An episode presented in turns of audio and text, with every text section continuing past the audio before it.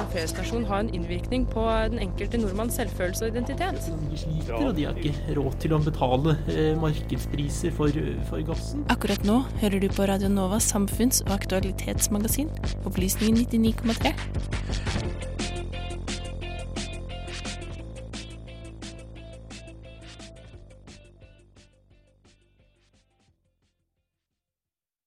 You were telling me about the guy on the subway. It was funny because when I got to when I got to Norway, my phone decided to die on the second day, and I didn't have a, like any way to like realize what time it was. So I needed like I had to go to go to classes, and I also had like doctor appointments and stuff. And I just needed to know the time. And then one time I was in the subway, which doesn't have a clock for some strange reason. and I just asked the guy like, "Hey, I'm sorry, I don't have a phone. Can you give me the time?" And he was like, "Yeah, it's twelve fifteen. I was like, "Okay, thank you." And then he just put his headphones on again and like his hoodie, and I was like, "Okay, I'm sorry."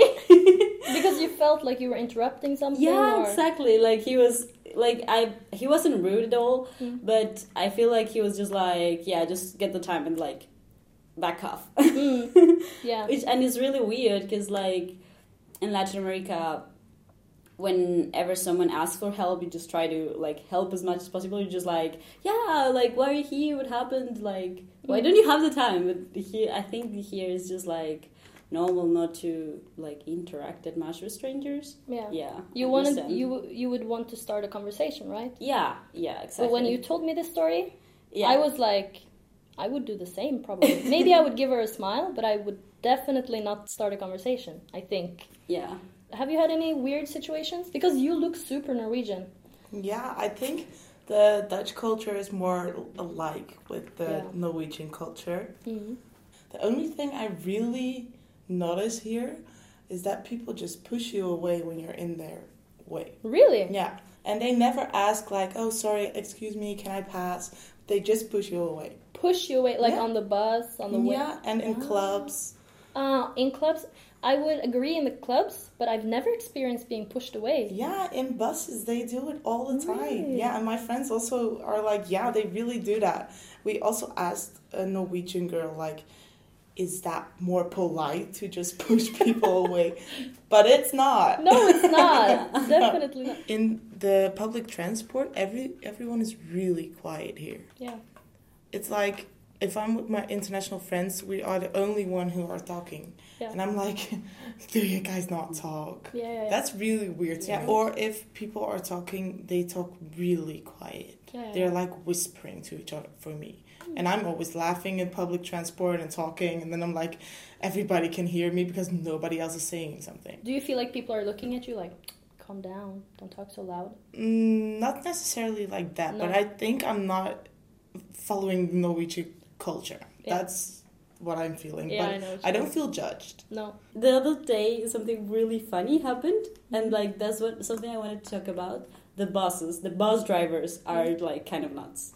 One time, I just went to Majorstuen, and and then what I usually do when I'm like in the city center or whatever, I just go to Majorstuen, and then I take the twenty five Mm. because I don't really like walking from Ullevål.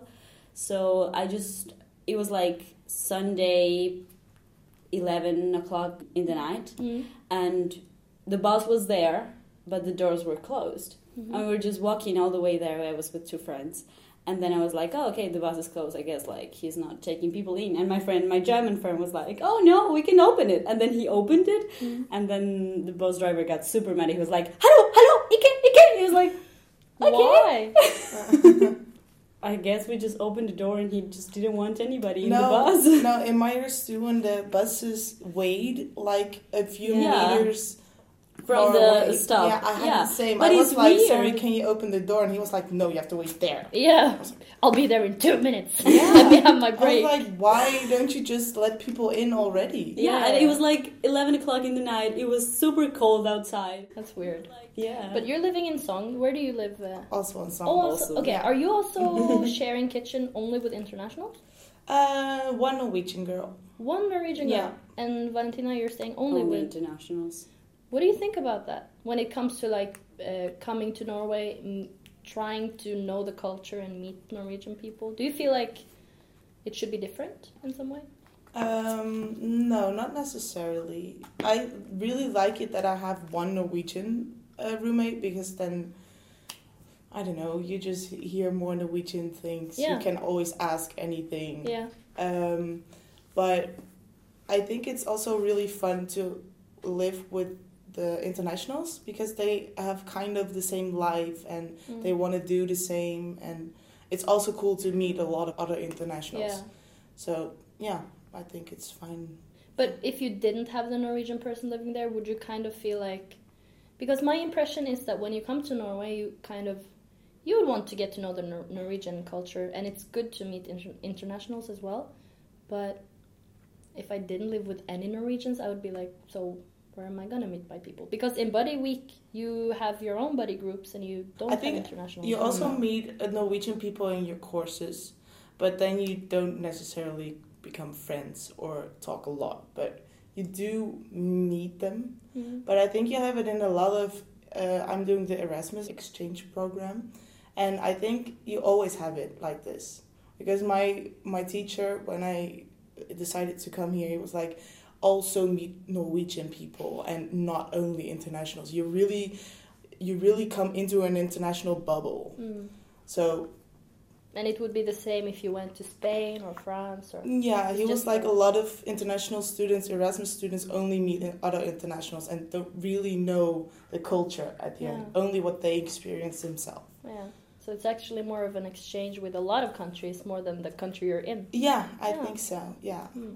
I guess the body week is like really good for knowing people and stuff and like knowing the university maybe. But I like I wasn't really into my body group because I do chemistry but for some well for like university reasons I ended up in a in the faculty of humanities. So I was only going to meet people from the faculty of humanities. Mm. And like I really at this at this point I don't know anybody from the like Chemistry? yeah that is an international student. Mm. and then like i was supposed to have a talk on citation and examinations. Like they gave it but the person that was going to give the, the part of the talk about the examinations in the university didn't go and they just haven't reprogrammed it. So as of this day i have no clue how the examination is going to be. I know it's in computer that's all i know. Do you know where you could get help? Is that something Not they really. tell you? No? What about you? If you need anything, where do you go? Like, who do you ask? Um, I'm from social sciences, so I would go to SV Info.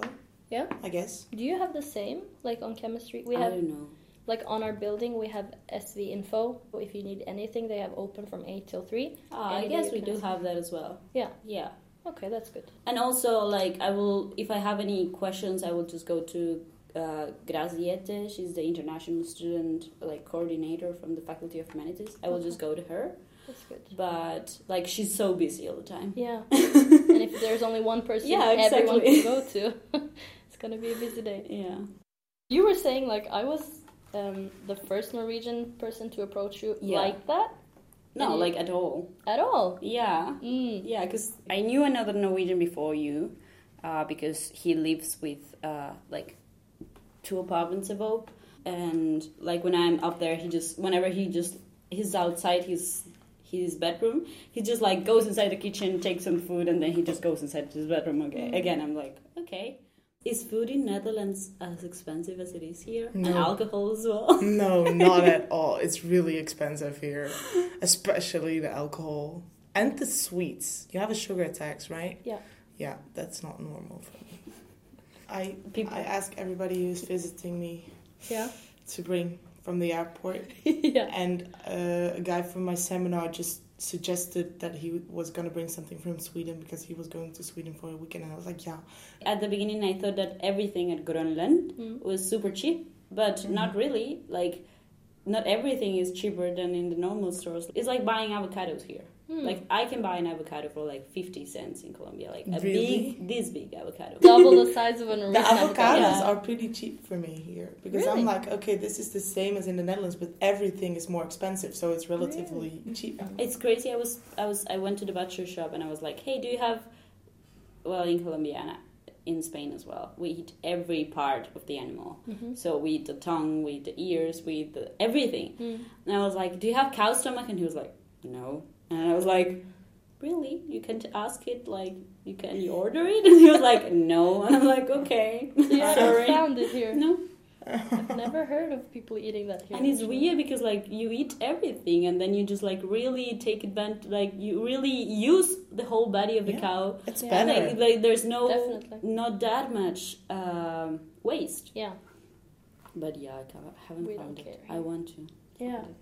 I'll let you know if I find it. cow stomach. Was it cow stomach? Delicious.